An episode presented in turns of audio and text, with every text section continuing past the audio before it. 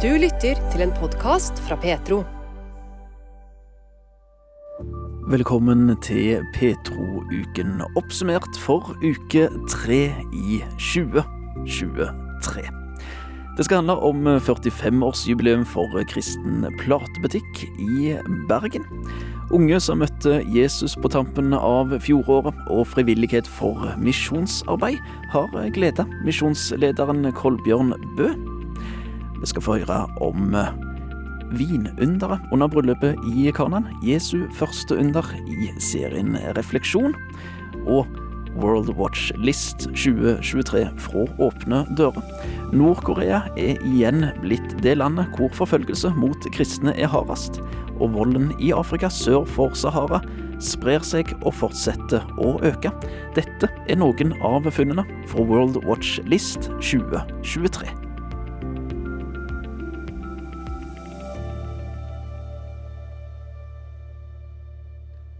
Åpne døres årlige rangering av de 50 landene i verden der kristne opplever mest forfølgelse, World Watch List, ble presentert onsdag 18. januar. Afghanistan toppa lista i fjor etter Talibans maktovertakelse. Nå har Nord-Korea gjort grep som fører landet tilbake på toppen av den lite ærerike rangeringa, sier faglig leder Ole Petter Erlandsen i Åpne dører. Ja, de har i løpet av året iverksatt en lov som setter veldig strenge forbud mot, mot reaksjonær påvirkning. Slik at alt av utenlandsk litteratur, alt av utenlandsk påvirkning, er blitt strengt forbudt. Og, og de, i tillegg så har de satt mer krefter inn på å prøve å finne disse skjulte kristne som møtes i hemmelighet. Så det er flere menigheter, flere husmenigheter som har blitt avslørt, og, og da blir jo lederne skutt, drept, eller alle blir satt i fangeleir eller, eller, eller drept på stedet. Så, så, det betyr også at volden har gått opp i, i Nord-Korea. Toleransegrensen her er, er, svært lav, etter det jeg forstår. Altså Selv det å se på en, en TV-serie fra Sør-Korea kan være nok til å komme i alvorlige alvorlig problem? Ja, det kan være nok. Eller som vi da er opptatt av, mer hvis man eier en bibel som blir avslørt med en kristen traktat, så kan det, være, kan det være grunn til at man blir drept. Vi regner med at det er 300 000-500 kristne som lever under, under dette regimet. Og det er altså mer enn 10% som sitter i fangeleir til enhver tid. Disse tallene er altså ikke bekreftet av nordkoreanske myndigheter, men baserer seg på Åpne dørers kontaktnett. I fjor var det for første gang siden 2002 et annet land på toppen av World Watch List, nemlig Afghanistan. I år er Afghanistan nede igjen på niendeplass på listen. Betyr det at situasjonen for kristne afghanere har bedret seg litt? Altså Det er ja og nei. fordi uh, i fjor hadde vi sjokkerende meldinger om en aktiv jakt på kristne, som da ble sett på som forrædere i, i Afghanistan, og mennesker som ble drept. Uh, Taliban som gikk fra hus til hus. Det gjør ikke Taliban nå. Taliban har utfordringer nok når det gjelder å styre landet. Uh, og så kommer i tillegg det at de kristne har gjemt seg veldig godt. De var ikke så gjemt i fjor, for, for dette skjedde maktovertagelsen til Taliban skjedde veldig fort. Så situasjonen har roa seg, dvs. Si at det er mindre vold. Vi har målt mindre vold. Men, uh, men det er ikke enklere for en, en afghaner å stå fram med en kristen tro. Årets World Watch List viser flere trender. En av de er at islamistisk vold i Afrika sør for Sahara øker. Ja, En av trendene vi påpeker er jo at volden i Afrika sør for Sahara er blitt verre. Og, og, situasjonen for de kristne er blitt verre. Og Det er et problem for de kristne, det er et problem for landene der. Eh, det er en kombinasjon av eh, jihadistiske grupper, altså islamistiske grupper, som, som prøver å ta makt, og som, som ser på de kristne som fiender og fremmedelementer i landet. Og så er det organisert kriminalitet som, eh, som driver med menneskesmugling og, og, narkotika, som ofte også allierer seg med, med islamistene. Og så er det selskaper som er ute til profitt. Og det er svake regjeringer. Det er eh, store problemer i styringen av mange av landene der. Og det betyr at, eh, at det er litt fritt fram. Så, så hele regionen er ustabil, og det er ofte de kristne det går utover. Og fremdeles er det jo Nigeria som er det landet der det er registrert flest mennesker som mister livet pga. sin tro? Ja, det er en stor andel av de vi har registrert som, som er i Nigeria. Det er rundt 90% på verdensbasis er altså drept i Nigeria. Men det er en del mørketall i en del land. Så, men, men, likevel så er Nigeria ekstremt i forhold til drap på kristne. Det er jo da jihadistgrupper som rykker inn i en landsby og, og skyter rundt seg, roper «Allahu akbar, tar gisler, Eh, dreper, brenner hus osv. Så, videre. så Så voldsnivået er høyt i det nordlige og i det midtre Nigeria. Men det har også flytta seg litt lenger sør.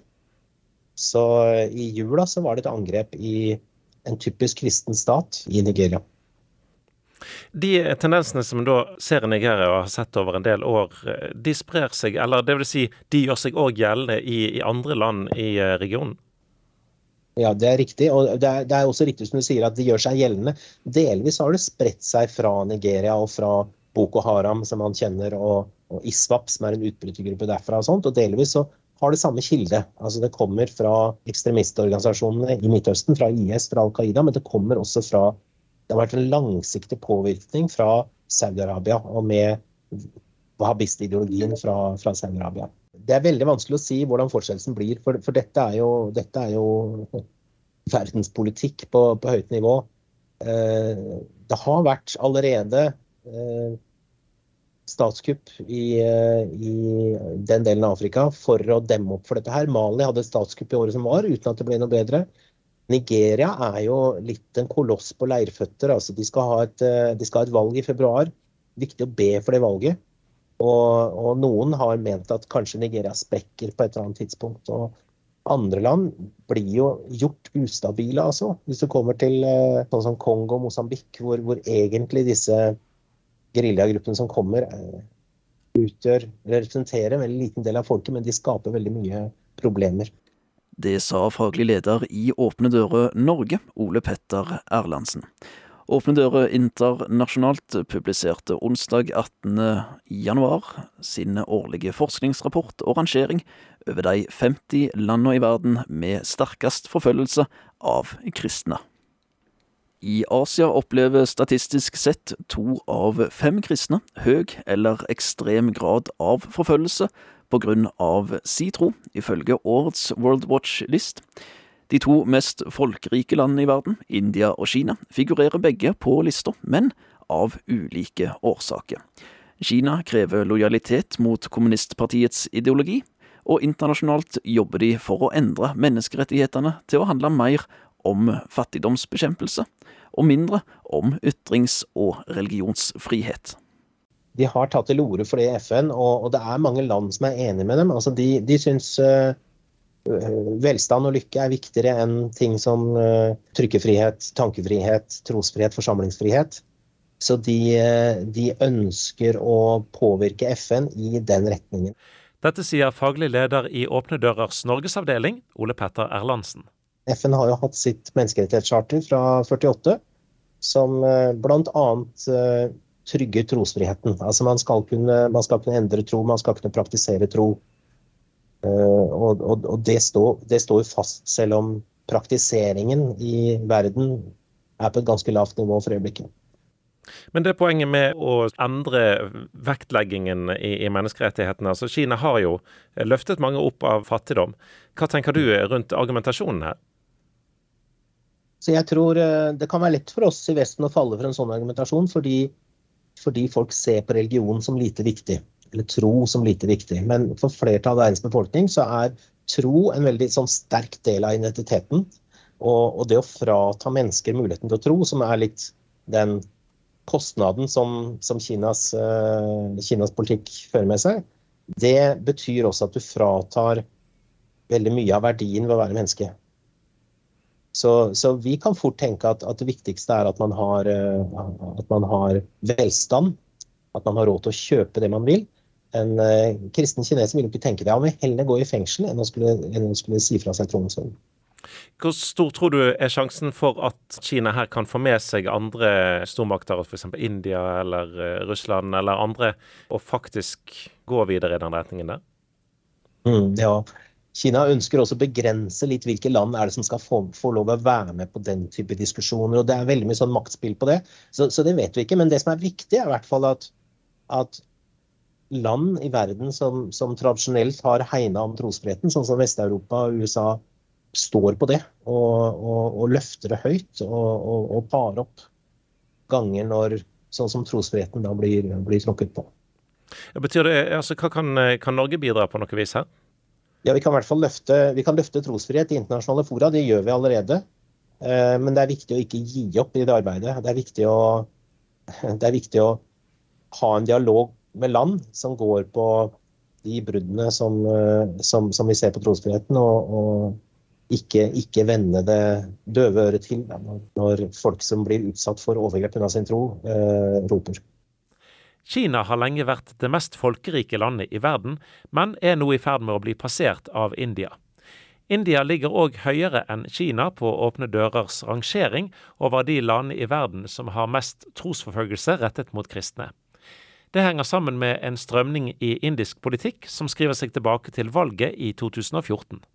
Altså I 2014 så vant eh, nasjonalistiske, hindunasjonalistiske BJP tok makten. Det er jo tilsvarende den uh, hindutva-ideologien altså, som sier at for å, en, uh, for å være en ekte inder, så skal man være en hindu.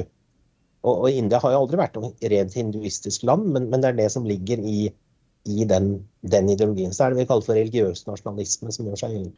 Og det har ført til et klima i India hvor, hvor, det har vært legitimt mange steder å gå til angrep på de kristne. Så et av de eksemplene vi trakk fram under presentasjonen, var noe som skjedde nå i jula, i Shatiskar i, i India. Et, et av de områdene som har en antikonverteringslov. Så var det altså mobilisering av et stort antall hindunasjonalister uten at politiet grep inn. Og de gikk til angrep på de kristne rett før jul. De, de jagde dem 20 forskjellige landsbyer så fant de de kristne familiene, jagde dem ut av huset, satte fyr på hjemmene deres. Eh, stjal budskapen, og de kristne måtte tilbringe jula på en åpen stadion med, med ett toalett. 500 kristne var stua sammen med ett toalett. Og Det har ikke løst seg. Og, og rett på nyåret så gikk de altså til angrep på ny. og det så, så, så, dette er en pågående situasjon hvor altså 1000 kristne har blitt jagd og truet til å gå tilbake til, til hinduismen. Og, og dette, dette, er de forholdene som man kristne i India lever under. Kristne i India har blitt beskyldt for å drive tvangskonvertering av urfolk, og en nylig uttalelse fra høyesterett i landet kan åpne for at såkalt antikonverteringslover kan bli innført i hele India. Ole Petter Erlandsen avviser at kirker i India har tvunget noen til å bli kristne. Nei. Altså, og det ligger jo, i, ligger jo i, i, sakens natur i forhold til, i forhold til den kristne troen at, at troen må jo velges frivillig. Så tvang er det ikke snakk om. Men, men, det man også har forbud mot, det er å kjøpe Altså at man betaler penger for at folk skal bli kristne. Og det er klart, en kristen menighet vil jo ha jo i hele sin teologi og praksis at man skal gjøre godt mot de fattige. Hvis det blir straffbart å gjøre godt mot de fattige fordi de fattige ønsker å bli kristne som et resultat av det, så, så er det klart Da kan det jo rammes av loven. Men denne loven har ikke hatt noen effekt i rettssystemet. Man har ikke klart å komme opp med noen tilfeller av det man kaller tvangsmartering noe sted. Men, eh, men, men, det blir brukt som et argument at her skjer det lovbrudd, her skjer det, her skjer det tvangsmartering. Og så får man mobben med seg, og så går man til angrep på en kirke med kjepper og stokker og, og jernrør. Altså og kristne i India og Kina utgjør til sammen 40% av de 360 millioner menneskene som Åpne dører regner med lever under høy, svært høy eller ekstrem grad av forfølgelse i verden i dag. World Watch List baserer seg på rapporter fra rundt 4000 medarbeidere over hele verden, og et team på 15 forskere utarbeider den årlige rapporten. I år er det 30 år siden Åpne dører internasjonalt første gang utarbeidet si liste over hvilke land i verden som har høyest grad av trosforfølgelse mot kristne. Og trenden er klar. Det har blitt markert mer trosforfølgelse i verden. Særlig har den negative utviklingen skutt fart det siste tiåret, sier Ole Petter Erlandsen. Det er eh, flere trender vi har, noen langsiktige trender vi har trukket fram. Eh, som, som, er sammenfallende, og som gjør at summen av forverringen er ganske, ganske, stor. Og det ene er jo det som har vært veldig framme i mediebildet, altså framveksten av terrorgrupper. Og som særlig fikk fotfeste kanskje etter de krigene som har vært i Midtøsten. Syriakrigen og, og Irak osv. Og så er det det vi kaller for religiøs nasjonalisme, som, som, som gjelder bl.a. India, Bhutan, Sri Lanka. altså hvor man prøver å skape nasjonal enhet gjennom å satse på majoritetsreligionen og, og presse alle andre ut. Så er det kriminalitet. Altså i økende grad så har kirkene blitt eh, mål for kriminelle grupper i, i Latin-Amerika. Og de kriminelle gruppene har også større makt i, i deler av Latin-Amerika. Og det siste er altså at kommunistiske og det vi kaller for postkommunistiske land har blankpusset litt den uh, ateistiske profilen de har hatt før, og blitt mer religionsfiendtlige. Ja, Da snakker vi jo f.eks. om land som Kina? Ja. det er Kina, Laos, uh, Vietnam, Cuba, men også hele Sentral-Asia. Der var det åpent for kristen misjon, og det var ganske, ganske, enkelt i flere av disse landene i hvert fall, å være, være kristen noen år. Men det, det har snudd. Et spørsmål som flere kanskje sitter med, er jo da eh, når statistikken øker. Er det en reell økning, eller er det bare høyere rapportering av det som uansett har foregått? Vi har jo stilt våre forskere det samme spørsmålet, og de svarer et klart nei på at, at det er bedre rapportering. Eh, det gir i hvert fall ikke utslag på det nivået. Vi har fått bedre statistikk etter hvert, men det går mer på, på tellinger eller på hvor mange blir drept, hvor mange kirker blir stengt osv. Men, men, men trendene og tendensene eh, er, er, er, slik som vi har beskrevet det. Og Da er altså totalsummen sånn at eh, rundt 360 millioner kristne i verden eh, etter Åpne dører sin statistikk er utsatt for høy eller svært høy grad av forfølgelse. Det tilsvarer én av syv kristne, det? Det gjør det. Og da har man telt med alt av kristne. altså Da regnes jo 70% av Norges befolkning som kristne oppi det tallet. Mens de som blir forfulgt, er jo ofte da reelle kristne, altså folk som, som er villige til å dø for sin tro. Det sa faglig leder i Åpne dører i Norge, Ole Petter Erlandsen, til reporter Bjørn Inge Sakstad. Mer informasjon om årets World Watch List fra Åpne dører finner du på nettsida opendoors.no. Takk for at du lytter til denne podkasten fra Petro.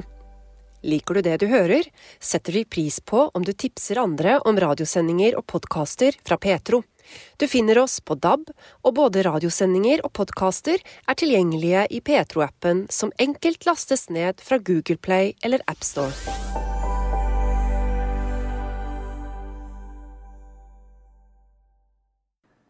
I strømmetjenestens tidsalder er det ikke mange fysiske platebutikker igjen men med entusiasme og stor kunnskap om musikken han selger, har Roald Atle Larsen greid å holde liv i platebutikken sin. Denne måneden er det 45 år siden han åpna dørene til rokademusikk i Bergen for første gang. Reporter Bjørn Inge Sagstad tok turen til butikken, som er en institusjon for den som er interessert i country eller i kristen musikk. Jeg startet egentlig eh, musikkbutikk fordi at eh, det var en hjertesak. Jeg er jo veldig glad i musikk, spesielt country. da. Så, så det var liksom å få tak i countryplater på import som var liksom begynnelsen, eh, og grunnen til at det startet. da. Og eh, Det ser vi jo igjen her i, i dag òg, da. Det er countryplater eh, ganske masse du, du har her. Eh, og så har du òg tradisjonelt hatt ganske masse i kristenmusikken. Er, er det en det er en hjerteconnection som som du nevnte der. Er den sentral for begge to? Vi har jo masse kristenmusikk også, men si i og med at alle leverandører i Norge er jo sluttet. Men det er interesse. Men du vet, jeg sa til deg at når ikke du får ferskt eller nytt blod, altså, så liksom, da, stopper ting opp. Altså. Så du må liksom hele tiden følge på med nyheter og sånt for å liksom beholde kundene dine. Så da må vi jo gå på import og importere det. Og spesielt country gospel selger vi veldig mye av. da. Ja, for Det er en liten sånn connection mellom, eh, altså i, i countrymusikken mellom det profane og det kristne. Altså jeg føler Det er ikke så eh, tette skott der som i en del andre sjangere. Nei, De kan jo si det at det de sier, er jo at Jesus og bartendere det er de to personene eller som det blir snakket mest med. altså en bartender og Jesus, det er der du kommer med problemene dine, for å si det sånn. så, at, så, og det er jo Det er mye sanger om Uh, 'Tonight the battle Let Me Down', f.eks. med Mørn Hegga. Sånt. Uh, det er mye drikkeviser i country, men det er også veldig mye kristne sanger i countrymusikken. Det synges om alkohol, men synges om alle livets sider egentlig i countrymusikken. Det er fra, fra A til Å, kan du si. 45 år siden. Hva har skjedd med, med musikksmaken og utvalget på disse 45 årene? Det merkelige er jo det at eh, når jeg startet, da var det jo uh, si, Flying Norwegians and Rounded Bird var jo en av de mest solgte platene jeg hadde. Den kom ut i 1976, og den selger fortsatt. Og Pink Floyd sin Dark Side of the Moon den har jo 50-årsjubileum i år. Og den selger fremdeles også. Så det, at det virker som de platene som ble laget på 70-80-tallet, de, det er de platene folk kjøper enda. Selvfølgelig også nyheter, men eh, de gamle, gode klassikerne det er de som er veldig populære. Også. Og, og, faktisk ikke bare blant folk som òg levde i, i 78? Nei da, der er, der er si, tenåringer som kommer inn her med store lister over ting de ønsker seg. Og det, det er ofte ting som har vært i omløp i 30-40 år de ønsker seg. Så folk er tilbake til klassikerne, kan du si. Ja, nå, nå pekes det her borti ja, Will Nelson og Chris Christoffersen og Johnny Cash. Det er jo sånn som folk De glemmer ikke det, altså. Så vi er ikke så uh, oppdatert som vi var. Vi, vi, går litt tilbake igjen. Så Derfor så passer det veldig godt for meg som har vært så lenge i bransjen. For jeg kjenner til de fleste artistene opp igjen, kan du si sånn. Og når det gjelder kristenmusikk, så er det jo eh, det er jo den kristne rocken, eller popen, som er mest populær. Larry Norman, Greg X, Petra og Resurrection Band og disse tingene her. Men så har vi den andre siden av kontramusikken. Det er den Bill Gay. da. Det er også veldig populært. da. Men når, når, du da skal prøve å altså Du selger jo fysisk, fysisk, musikk. Eh, musikk er ikke så fysisk lenger som man eh, var. Eh, hvordan har du greid å, å overleve da? Nei, altså Du kan si at uh, du kan sammenligne det å høre på Spotify det er jo som å ta intravenøst istedenfor å spise en god middag. Hvis du heller vil komme inn og spise en god middag, så kan du gå inn her og kjøpe den fysisk. Men hvis du holder med å få intravenøs uten å se cover eller noe, så bare lytt på Spotify. Men det som er fordelen med Spotify, er at folk blir oppmerksom på For du får ofte, hvis du hører på Spotify, for her er alternative låter. Du, hvis du liker denne, så liker du kanskje denne. Og da oppdager folk mye musikk også. Så det er ikke bare negativt, det Spotify. Du nevnte at, at eh, det kristne musikkutvalget ditt har blitt mindre fordi at eh, du rett og slett ikke får tak i det. Hva har skjedd med den kristne musikkbransjen i, i, den digitale alderen? Eh, du kan si at eh, Oddvar Gjelvik, du som drev mastermusikk, han, eh, han la jo årene inn. Da, fordi at det, var ikke, det er ikke noe marked å selge fysisk lenger. De fleste kristne butikkene i Norge har uh, nesten lagt ned. Så er, var ikke folk nok Kanskje det er alderen som gjør det. Kanskje den nye generasjonen de, de hører gjerne bare på Spotify. sant? På Hillsong og dette. sant? Så. Jeg må innrømme at det er ganske lenge siden jeg var i en fysisk eh, platebutikk. Men eh, jeg står her, jeg har et eh, kobbel med CD-er foran meg. Jeg har svære stativ med LP-plater. Både på venstre og høyre side og foran og bak. Du, akkurat det der med at LP har kommet igjen. Hadde du gjetta det når du starta for 45 år siden? Nei, det må jeg si at jeg, jeg trodde at det, det, var over med LP-plater. Men eh, i 2011-2012 så begynte plutselig platene å selge igjen. Jeg hadde bare, bare CD-er og uh, ingen vinyl. Men da kjøpte jeg en stor samling da, på 3500 brukte LP-er. Som jeg puttet inn i butikken der. Og da fikk jeg en helt nytt klientell, da, kan du si. Så da, etter den tid, så er LP-en liksom eh, blitt det mest hotte her i butikken. Så det går faktisk mest vinyl, altså. 45 år så langt. Eh, hvor lenge holder du på? Eh, vel, du kan si eh, jeg gjør sånn som, som fotballspillerne sier, at vi tar én kamp av gangen. Sant? Så jeg har gjort det sånn at jeg tar en dag av gangen, og iallfall ett år, da. Men jeg ser jo ikke Det er jo ingen mulighet at jeg kan fylle 50 år, men det får vi nå se på. Når jeg nå står her med et eh, aldri så lite vandrende leksikon innen countrymusikken, så må vi jo eh, se om vi kan få et par eh, musikktips. Ja, jeg tenkte på, det, på denne her På gospel og country, da, så har vi en artist som heter Dean Watson. Og der vil jeg si at den platen her, den, den, den er fantastisk bra. Og den har jeg solgt faktisk flere hundre av, tror jeg. Og her er en låt som heter 'Call Me Gone'. Den er veldig frisk og fin. Også. Og den handler litt om eh, når vi forlater redet, så forlater vi det virkelig, for å si det sånn. Så men hør på teksten på den også. Hva sier at du anbefaler akkurat han? Nei, altså han er en av de Han har jo holdt på i gjerne 50 år innenfor kontramusikken. Og, og han har bare på en måte akkurat så Han har blitt bedre og bedre med årene. Og nå de siste platene hans de er helt fortreffelige. Altså. Og denne gospelplaten Han har jo han har jo gjort noe som moren hans sa han måtte gjøre. Spille inn en plate til moren. Men han er også personlig kristen sjøl. Jeg har truffet han på bussen inn til Breim, så jeg har snakket mye med han eh, for noen år siden når han var der. Og, men han leverer et produkt som er virkelig flott, altså. Så um, jeg håper han blir uh, innlemmet i Country Music Hall of Fame snart. Han nærmer seg 80 år. Men sånn er det med oss ungdommer på, uh, i, i 70-årene. og og jeg sier det, Forbildet mitt er jo Willy Nelson, for han blir 90 år 29.4. Så det er ingen grunn til å legge ned ennå.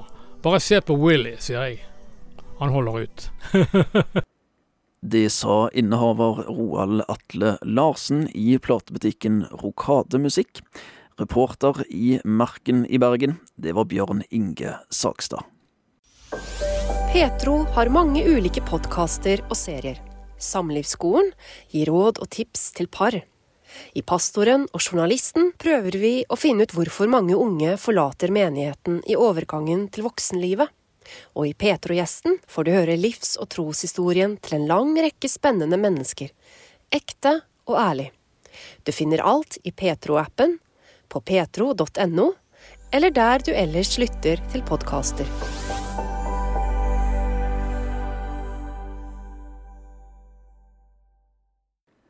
Unge som møtte Jesus på kristen skole, og stor frivillig innsats for misjonsarbeid. Det er stikkord i serien Dette har gjort meg glad. Denne uka skulle vi til Sør-Vestlandet og møte Kolbjørn Bø. Han er regionleder i Norsk Luthersk Misjonssamband, Region Sør-Vest. De driver et omfattende misjonsarbeid for ulike generasjoner, med stor innsats av mange frivillige og Kolbjørn Bø gler seg over dugnaden som ble lagt ned, og i det som var frivillighetens år 2022. Når du ser tilbake, eh, som ofte gjør med et årsskifte Vi, vi ser på hva betydde dette året, og hva har det vært. Og når vi ser på alt det arbeidet som, eh, som skjer i Misjonssambandet i vår sammenheng rundt omkring i, i vår region, ifra barnelag som drives rundt omkring på, på de forskjellige plassene, der eh, de planlegger, eh, legger store planer for hvordan dette skal være. De samler ungene, de lager til rette for ting som skal lages, ting som skal etes. De har andakt og sangstunder, og, og dette gjør de uke etter uke, år etter år. Og i fjor så var det en ting. Og så har du alle de andre som som sørger for at bedehusene blir vedlikeholdt, malt og, og, og, og, gjort. Og alt dette skjer på dugnad. Der står noen som kommer innom og setter på varmen. Der er noen som sørger for at, at det er mat på en del samlinger. Mange ting som, som gjøres på, på frivilligheten. Og så har vi et omfattende leirarbeid som, på læreplassene våre, der en, en har kontakt med med hundrevis av ledere som setter av ei helg, kanskje flere helger, som de, de, bruker for at barn og ungdom skal få møte Jesus og få høre om han. Så tenker jeg, uten frivilligheten så, så hadde det ikke vært et arbeid. Vi er så avhengig av alle de som, som fyller sitt kall eh, i den tjenesten. Eh, så har de et annet arbeid som gir de inntekt eh, på, sånn til å kjøpe brød og melk for, men så, så gir dette en velsignelse fra himmelen eh, som vi ikke kan måles verken i penger eller i ord. Misjonssambandet jobber jo under mottoet 'Verden for Kristus'. Det gjelder også i dette området som, som du jobber i, Kolbjørnbø, av, av landet. Og så har òg Misjonssambandet ei rekke skoler internatskoler, videregående skoler til dømes. Og på tampen av fjoråret så opplevde dere i, i deres område, der ligger Tryggheim videregående skole, at eh, kristne møter på skolen på kveldstid de ble forlenga flere uker. Mm. Ja. Fortell litt om eh, hva som gleder deg der. For det første så gleder det oss jo veldig med disse skolene, og det gleder oss med det at de, de har, legger til rette for uh, møtevirksomhet og, og forkynnelse av Guds ord. Og her var jo det at de skulle ha ei sånn, det som jeg kaller for ei møteveke, altså flere uh, møter etter hverandre i samme uke. Uh, og de uh, hadde planlagt det sånn, og så kommer det plutselig masse folk som, på møtene. og og etter møtet var slutt, så var det en del som, som uh, begynte å stille spørsmål. Både om sitt uh, eget gudsliv og, og, trengte hjelp for å finne fram til å få fred med Gud og få, få bli en kristen. Uh, og, og, dette skjedde første uka, og så tenkte de vi må, det er kanskje flere, så vi får prøve å ha noen møter til neste uke. Og så, så kom det nye folk den uka, og så fortsetter de sånn flere uker. Er det jo det som er målet vårt. Vi ønsker at mennesker skal få møte Jesus. Mennesker skal få, få, få, få se den store gleden som det er for oss, nemlig at Jesus han, han har ordna alt for oss. Han åpna himmelen og sa at hver den som tror på meg, han skal ikke gå fortapt, men skal ha evig liv. Og så er det det når, det, når vi opplever at, at, at folk tar imot dette og tror dette, så blir vi veldig glade. Nå har vi bladd om til 2023 for et par uker siden. Vi er forholdsvis i starten på et nytt år. Eh, hva er det som kan glede deg når du tenker på det som vi går i gang med, og starten på nytt år for, for din del og ditt arbeid? Ja, Da er det jo egentlig det som har blitt litt mitt eh, nyttårsbibelvers. Eh, og det er et som står i Hebreabrevet. Der står at eh, Jesus Kristus er i går og i dag den samme ja til evig tid. Han, han forandrer seg ikke. Han, det som skjedde i 2022, eh, den Jesus som mennesker møtte da, den kan de møte òg i 2023. Han er den samme. Har ingen endring sjå han. Det sa Kolbjørn Bø, regionleder i Norsk Lyttersk Misjonssamband region Sør-Vest. Og intervjuer, det var Inge Kallestad. Du lytter til en podkast fra Petro. Vi ønsker å formidle tro, rotfestet, redelig, reflektert og relevant, slik at du blir inspirert til etterfølgelse av Jesus. I tillegg til podkaster og webradio kan du høre Petro på DAB 24-7 mange steder i landet.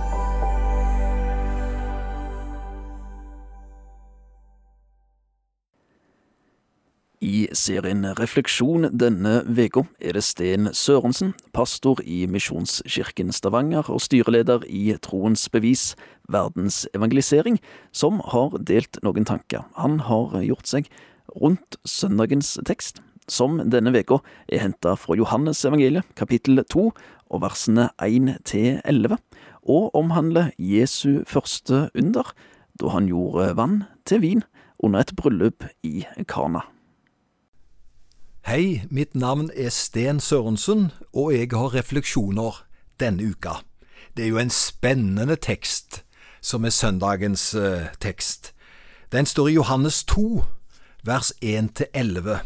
Det er bryllupet i Kana i Galilea.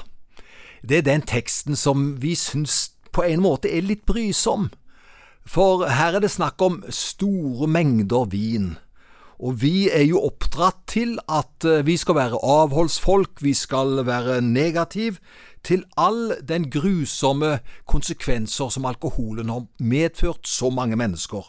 Men la oss glemme Norge. Nå flytter vi oss til Israel for snart 2000 år siden, og så er Jesus i et bryllup. Hans første under gjorde han i et bryllup i Kana i Galilea.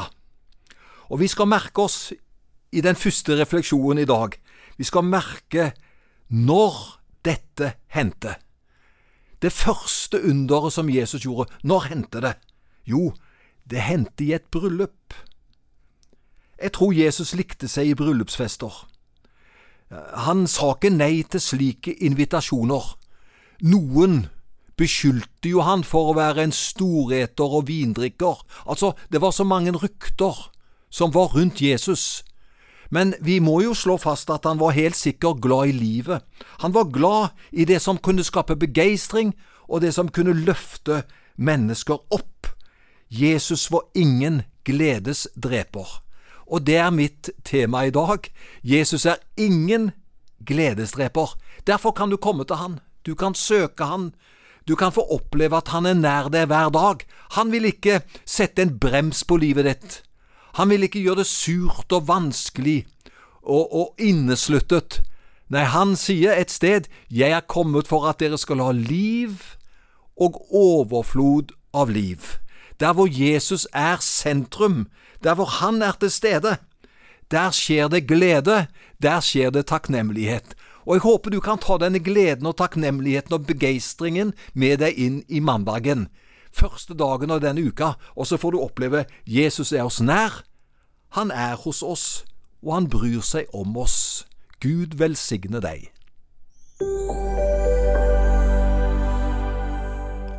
Hei, mitt navn er Sten Sørensen. Vi er kommet til tirsdag i denne uka, og det er bryllupet i Kana i Galilea som er søndagens tekst som vi finner i Johannes evangelium kapittel 2. Eh, jeg synes det er en spennende tekst, det er en tekst med så mange flotte elementer, og det ønsker jeg å dele i refleksjoner sammen med deg denne uken. I går så sa jeg vi må legge merke til når dette hendte. Altså, det hendte i et bryllup. Og i dag skal vi ta for oss hvor var det det hendte? Jo, dette Jesu første under. Det skjedde i et beskjedent hjem i en landsby i Galilea. Det skjedde ikke i anledning en stor begivenhet og med masse mennesker til stede. Det var ikke et sånt stort festlig arrangement og noe som en kunne liksom stå sammen om i store skarer. Nei, det ble utført i et hjem. Vi bør alltid huske at det var i det alminnelige, beskjedne, lite hjemmet i Galilea at Jesus åpenbarte sin herlighet.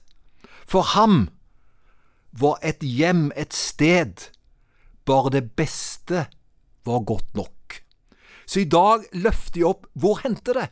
Jo, dette Jesu første under, det skjedde i et hjem. Det skjedde i det beskjedne, i det naturlige, i det hverdagslige. Og det tror jeg er plassen hvor Jesus spesielt vil møte oss. Han vil møte deg i ditt hjem i dag. Han vil åpenbare sin herlighet for deg, og da skal du få oppleve det Jesus er, og det han gjør. Det er bare så positivt og så godt at dette vil vi ha med oss som en trygghet gjennom hele livet. Må Gud velsigne deg. Ha en kjempefin dag.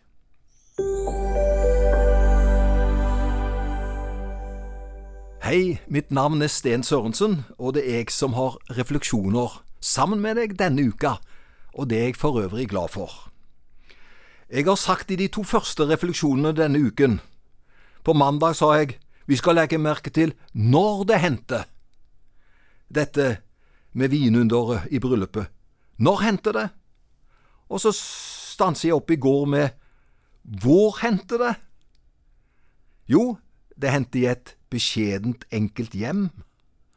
Og i dag skal vi ta for oss hvorfor hendte det? Altså, hvorfor leser vi om bryllupet i Kana i Galilea? Beretningen må jo ha en hensikt. Den må ha en funksjon. Det var jo Jesu første under som han gjør i dette enkle hjemmet i Galilea. I Østen var gjestfrihet en hellig plikt. Det ville være en stor skam og ydmykelse om det var blitt tomt for vin denne dagen. Det var for å redde en ydmyk galileisk familie fra skade og ydmykelse at Jesus viser sin makt. Og jeg skal si, han gjorde det til gangs. Så det Jesus forteller gjennom denne fortellingen, det er at gjestfrihet er det mest naturlige av verden. Det å invitere venner, det er så naturlig. Og så vil Jesus at eh, når vi inviterer til fest og til glede, når vi bryr oss og ser andre og inkluderer de, så vil Jesus at det skal være glede, det skal være begeistring, det skal være en god atmosfære. Og da ønsker ikke Jesus at det skal gå galt for oss. Han ønsker ikke at det skal være noe som er til fiasko eller som blir mislykket. For det kan jo gå i stykker for oss, men da er han der for å reparere, han er der for å gjøre alle ting gode. Og så viser han at eh, selv om de gikk tomt for eh, sine behov, så var Jesus der, og han grep inn, og han gjorde at festen ble bare enda bedre. Men det som vi også skal legge merke til i historien, det viser hvilken tro Maria hadde til Jesus. Det er første gangen Maria, Jesu mor, opplever Jesus i hans tjeneste. Så det var et nytt område og et nytt kapittel også for henne. Men jeg synes det er gripende det Maria sier om Jesus. Hun sier dette. Det han sier dere, det skal dere gjøre. Hun visste at når Jesus sier noe, når han griper inn, så vil det alltid være til det beste. Og det har jeg bare lyst til å si som en hilsen. Når Jesus sier noe til deg, når Jesus vil oppmuntre deg, ta imot det, gjør det, fordi det Jesus sier og gjør, og det han er, det er bare til stede for å hjelpe oss og løfte oss opp. Jo, det hendte fordi Jesus bryr seg om vår gjestfrihet, han bryr seg om vårt hjem, han bryr seg om vår hverdag. Må Gud velsigne deg, og ha en kjempefin dag.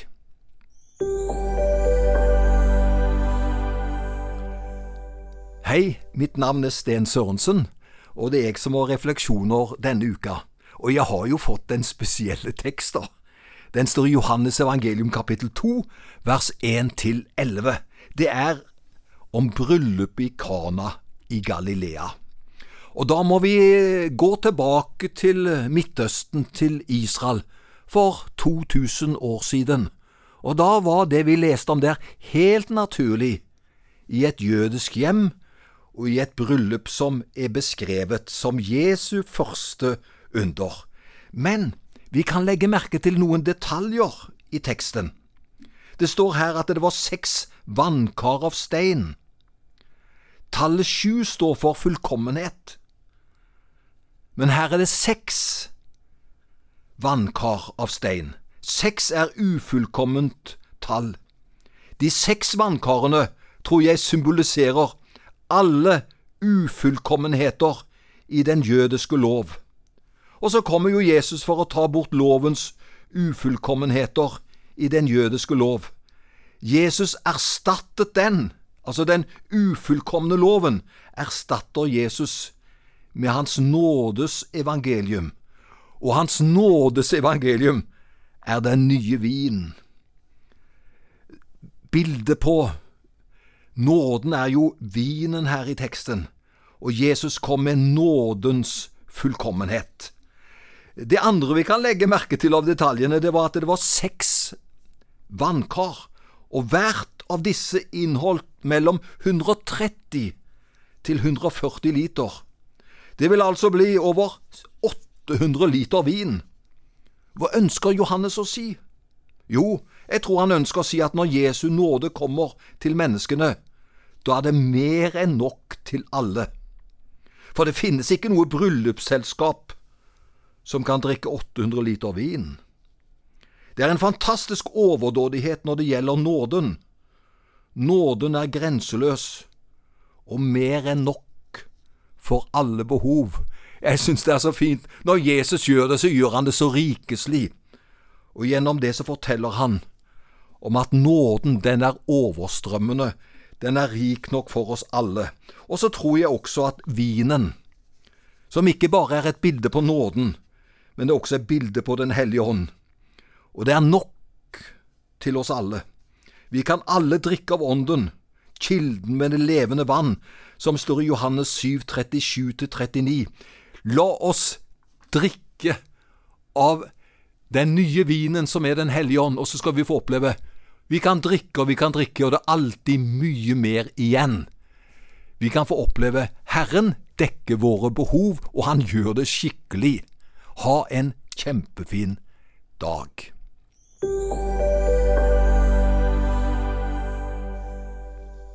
Hei, mitt navn er Sten Sørensen, og det er jeg som har refleksjoner med deg denne uka.